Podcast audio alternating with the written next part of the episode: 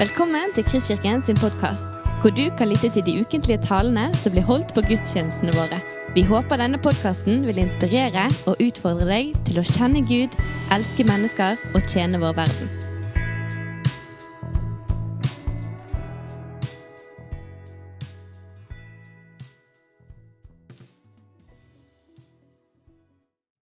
Vi er for tiden i eh, Markusevangeliet, og vi skal i dag eh, lese ifra kapittel 3 og vers 20. Eh, vi har kommet ikke så langt i Markusevangeliet, men ting har allerede utviklet seg mye. Og når vi kommer inn i dagens tekst, så er egentlig Jesus på mange måter en merka mann. Konfrontasjonen med de skriftlærde og de religiøse myndighetene har gradvis bygd seg opp, og, og opptakten den, den, den, blir mer og mer intens, og den får egentlig en, en, en litt sånn, nesten en litt sånn minieksplosjon i, i dagens tekst. For hvis du hørte sist søndag, og kanskje du har fulgt med før også, men, men hvis, du ikke, hvis, du ikke, var det, så skal du få kortversjonen. Um, de, to første, de to hendelsene som, som, vi, som innleder dagens tekst, er det her når Jesus eh, utfordre de, de, skriftlærde på sabbaten. Den første hendelsen er, er, er disiplene til Jesus som, som, går i kornåkeren og plukker aks. Og Fariseerne det står det tydelig at de legger merke til det her og spør Jesus om hvorfor de gjør det som ikke er tillatt på sabbaten. Så kommer det en ny hendelse, og det tar seg gjerne et knepp opp til. og Det skjer i en synagoge. og det var det Tarjei talte om, eh, om, sist søndag. og, og um, Der var det en mann med en vissen hånd, står det. Og, og det står helt tydelig at fariseerne holdt øye med Jesus for å se om han ville helbrede på sabbaten. De holdt på å bygge opp anklagen sin og er egentlig klar at hvis Jesus nå tråkker over en gang til, så får vi avsløre for teksten, den teksten avslutter med det at når Jesus helbreder mannen, så, så står det at da gikk de ut, og så var de enige om at nå skulle de se etter en anledning for å få ta livet av Jesus. Og Det er helt tydelig at det er ikke noe lek lenger som pågår. Det er ikke bare eh, intellektuelle uenigheter eller diskusjoner lenger. Nå er det alvor. Nå er det rett og slett snakk om liv og død. Jesus helbreder en mann, og etterpå så, så samler han eh, folket ved, innsjø, nei, ved sjøen, og han underviser. og Han trekker seg og så tilbake til fjellet, der han utpeker de tolv apostlene. Når Jesus kommer ned fra fjellet, så er vi altså i dagens tekst. Så da leser vi kapittel 3, og så leser vi fra vers 20. skal vi lese til og med 35. Det var altså Markus 3, også vers 20. Da han kom hjem, strømmet folk sammen, så Jesus og disiplene ikke engang kunne få seg mat. Da hans nærmeste hørte det, gikk de av sted for å ta hånd om ham, for de sa han har gått fra forstanden. De skriftlærde som var kommet fra Jerusalem, sa han har Beelzebul i seg. Det er ved hjelp av herskeren over de onde åndene at han driver de onde åndene ut. Da kalte han dem til seg og talte til dem i lignelser. Hvordan kan Satan drive ut Satan? Om et rike kommer i strid med seg selv, kan det riket ikke bli stående. Om et hus kommer i strid med seg selv, kan det huset ikke bli stående. Om når Satan har reist seg mot seg selv og er kommet i strid med seg selv, kan han ikke bli stående. Da er det ute med ham. Men ingen kan gå inn i den sterkes hus og røve det han eier, uten at han først har bundet den sterke. Da kan han plyndre huset hans. Sannelig, jeg sier dere, alt skal menneskene få tilgivelse for både synder og spott, hvor mye de enn spotter. Men den som spotter Den hellige ånd, får aldri i evighet tilgivelse, men er skyldig i evig synd. Dette sa han fordi de hadde sagt han har en uren ånd i seg. Nå kom moren og søsknene hans, de ble stående utenfor, men sendte bud og ba ham komme ut. En stor flokk satt omkring ham, og noen sa til ham, din mor og dine brødre og søstre er utenfor og spør etter deg. Han svarte, hvem er min mor, og hvem og mine søsken. Og han så på dem som satt omkring ham, og sa, Se, her er min mor og mine søsken. For den som gjør Guds vilje, er min bror og søster og mor.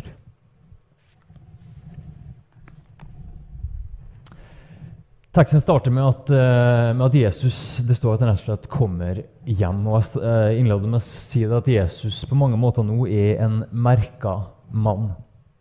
De religiøse myndighetene er ute etter han. og Det beste, Hvis du skal tenke på Jesus sin trygghet, det er mest sannsynlig at han hadde holdt seg i fjellene hadde holdt seg vekke. og, og jeg kan ikke noe, for enn å tenke på denne russiske opposisjonspolitikeren Navalnyj, som, uh, som sikkert flere har fått med dere. Det er jo stor nyhetssak. Altså han han ble forgifta, eller det, fikk et attentatforsøk eh, mot seg og ble lagt inn på sykehuset i Berlin og, og, og uh, kommer seg etter hvert. Og så velger han, da, for spekulasjonene går jo, og det er mange som hevder at da, det er russiske myndigheter som på en eller annen måte er ute etter å ta han av dage.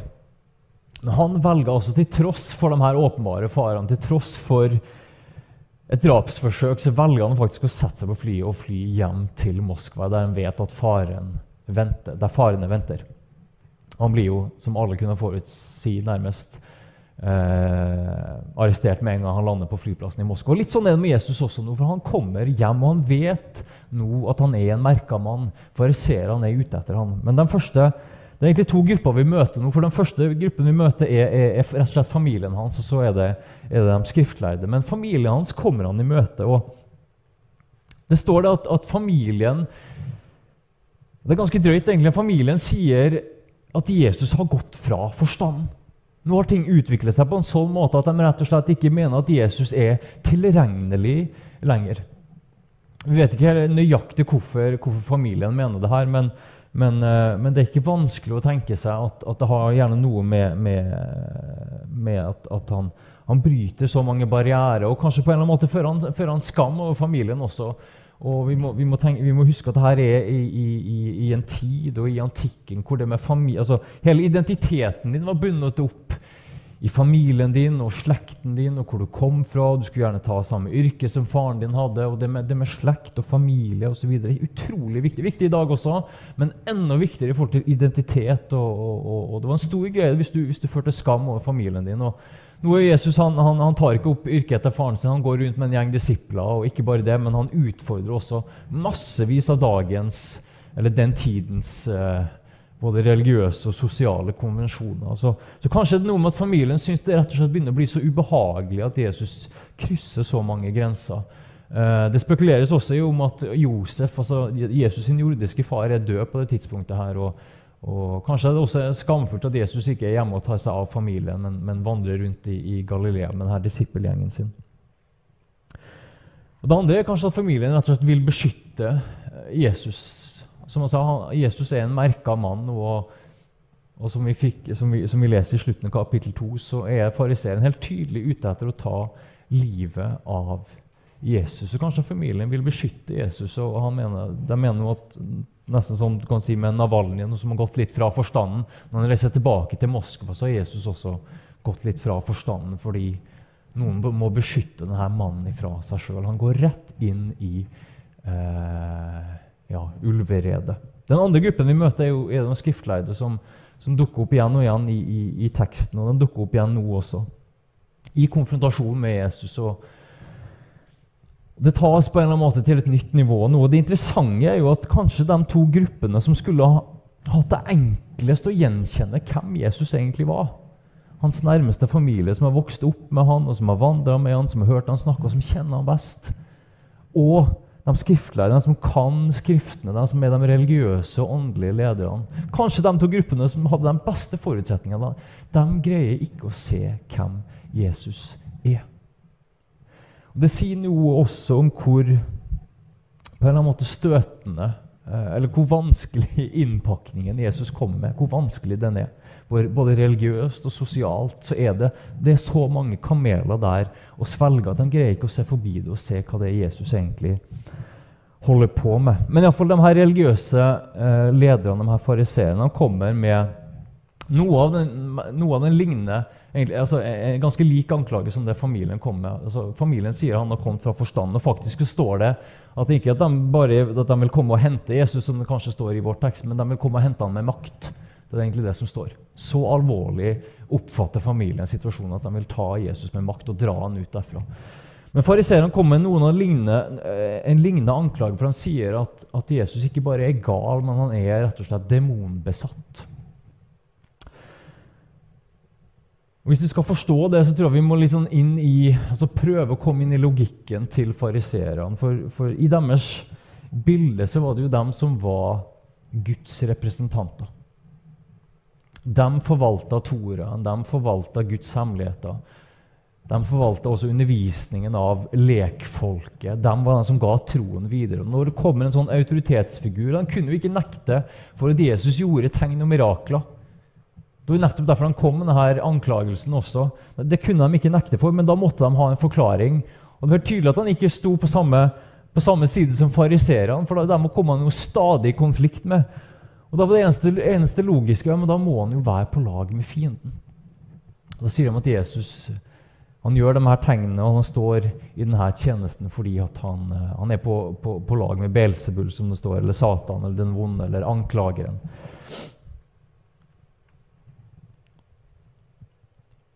For det første så er det en utrolig kraftfull anklagelse. og Hadde Jesus ikke greid å vri seg unna den, så du man nesten tenke at tjenesten til Jesus ville ha stoppa der. Eh, bare tenk tilbake på heksebrenningene her, her i Norge. Altså, hvis noen fikk stempelet eh, okkult eller heks eller demonbesatt. Da var det ikke grenser på hva du kunne gjøre med, med den personen. Men Jesus greier jo på mesterlig vis å vri seg unna det. og Han tar jo egentlig hele, hele argumentasjonen og så tar han og så vender han den tilbake på fariseerne og sier han det her berømte ordene at, at, hvis et rike kommer i strid med seg sjøl, kan det da bli stående. Hvis det er Satan som driver ut Satan, det gir jo ingen mening. Derfor må det jo være at han står ikke i Satans tjeneste, men han står i Guds tjeneste. Og så bruker Jesus dette bildet om at det er en sterk mann som har et eller annet tjuvgods. Hvis, hvis Jesus skal komme inn og plyndre den sterke sitt gods, så må han binde den sterke før han kan komme inn og plyndre. Det er egentlig det vi har sett starten på når Jesus, Jesus sin tjeneste. Han, han helbreder og han, han kaster ut demoner. Du kan egentlig si at Jesus er en frigjører. Men Jesus også skal fortelle til, eh, til disiplene til døperen Johannes om, om, som står i et annet evangelium, når, når disiplene til døperen Johannes lurer på er Messias den virkelige Messias, eller skal vi vente en annen, så, så forteller Jesus Gå til Johannes når døperen Johannes er i fengsel, og si det her at lamme går, og blinde ser, og døve hører, og Guds rike er kommet nær. Jesus holder på å plyndre den sterke sitt hus. Og så kommer jo det her litt sånn merkelige verset der det snakker om det her med spott mot Den hellige ånd. Uh, det er litt sånn vers som gjerne kan være fristende å hoppe over, men, men det står den her, så la oss ta det. Um, Og Hvis du skal si noe om denne settingen, så egentlig, hvis du skal koke det helt ned til hva det egentlig dreier seg om, så er det egentlig at, at, at Jesus holder på med noe. Han holder på å gi frihet til, til, til mennesker som er bundet. Han holder på å helbrede mennesker som er syke. Han holder på å gjenopprette mennesker som er undertrykte. Og Så kommer det altså fariseerne, og, og, så kan du si at de kaller det som er godt, for ondt. De kaller det som er lyst, for mørke. Og Så sier Jesus de fabelaktige ordene at Alt skal bli tilgitt. All spott. Uansett hvor mye den spotter. Det, står, det er faktisk fascinerende å legge merke til. Alt skal bli tilgitt, står det. Men så står det 'men'. Hvis noen spotter Den hellige ånd, så er det aldri i, i evighet tilgivelse. Jeg husker, vi, har, vi, som har gjerne vokst opp i kristne sammenhenger og lest litt Bibelen osv., vi har kanskje alle våre historier med dette verset. Jeg husker selv når jeg leste dette verset, så begynte det etter hvert å bygge seg opp en angst om at jeg måtte jo aldri spotte Den hellige ånd. Så, så får du den litt sånn merkelig uttrykk at du må gå litt sånn tenke jeg må, jeg må ikke si 'dumme hellige ånd'. Dum, og så plutselig så sitter, du i, sitter du i saksen. Men det er jo, det er jo, hvis, du, hvis, du, leser Bibelen og Jesus sin tjeneste, så er det jo ikke det det dreier seg om. Men jeg tror du finner noe av forklaringen for, for det som var forrige ukes tekst, der, der det står om denne her mannen som hadde den visne hånden står denne fabelaktige linjen om at, om at når Jesus kaller, mann, eh, kaller denne mannen fram, som har denne visne hånden, og så, og så spør han retorisk fariseerne er det tillatt å gjøre godt på sabbaten. Er det tillatt, Skal man ta liv, eller skal man gi liv på sabbaten? Hva er rett å gjøre på sabbaten? Og Så står det at de tidde. Fariseerne svarer han ikke. Og så står det at Jesus ble harm og bedrøva. Og det er jo egentlig På godt norsk så ble Jesus rasende, og han ble dypt sorgfull. Og så står det hvorfor. På grunn av deres harde hjerter. Og Der tror jeg vi har noe av forklaringen på hva det egentlig, egentlig Jesus prøver å, å, få fatt i her. fordi at det er noe med hjerteholdningen til fariseerne. De har gjerne dogmatikken på plass, de har gjerne de, de, det intellektuelle på plass, hva det egentlig troen skal, skal handle om osv. Men det er så mange lag mellom hjertet til fariseerne og til det medmennesket som står på den andre siden, som har en vissen hånd, eller som er undertrykt av, av, av sosial stigma fordi man er en synder eller toller. Det er så mange lag der at hjertet har blitt hardt. Og at fariseerne greier rett og slett ikke å gjenkjenne, gjenkjenne lenger når de står overfor reell menneskelig lidelse. Det er et mykt hjerte, og Jesus sitt hjerte blir grepet av medlidenhet og ville rekke ut og ville nå ut, også forbi religiøse konvensjoner, det som var akseptert i datiden. For å nå ut til et medmenneske så greier fariseerne ikke å se det lenger, for han sitter fast i sitt eget verdensbilde. Og han sitter også for fast i at de sjøl er Guds representanter. Og Historien er jo full av det. At Når mennesker blir skråsikre på at de har Gud på sin side, så går det alltid galt. Bare les historieboken din. Er full av eksempler. Jeg tror også Det er mye mindre dimensjoner når vi skal snakke om våre liv. Men når vi også blir for sikre på at vi har Gud på vår side, så går det også ofte galt. For ingen eier Gud. Men vi kan se på Jesus, og så kan vi se litt om hvem Gud er.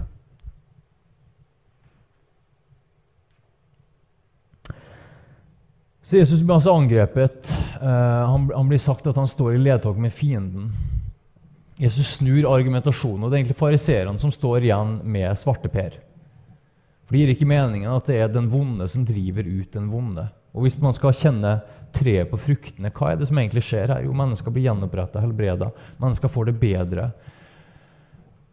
Så, så, så må ethvert menneske som har samvittigheten og, og, og hjerteholdningen i orden, må glede seg og et menneske blir satt i frihet, og menneske blir helbredet. Og der kommer Jesus fram som frigjøreren. Så, så, så, så, bruker han igjen dette bildet, og vi skal avslutte med det, om at, han, om at, Jesus har gått inn og så har han bundet den sterke, og så holder han på å plyndre huset til den sterke, som egentlig er et bilde på den vonde.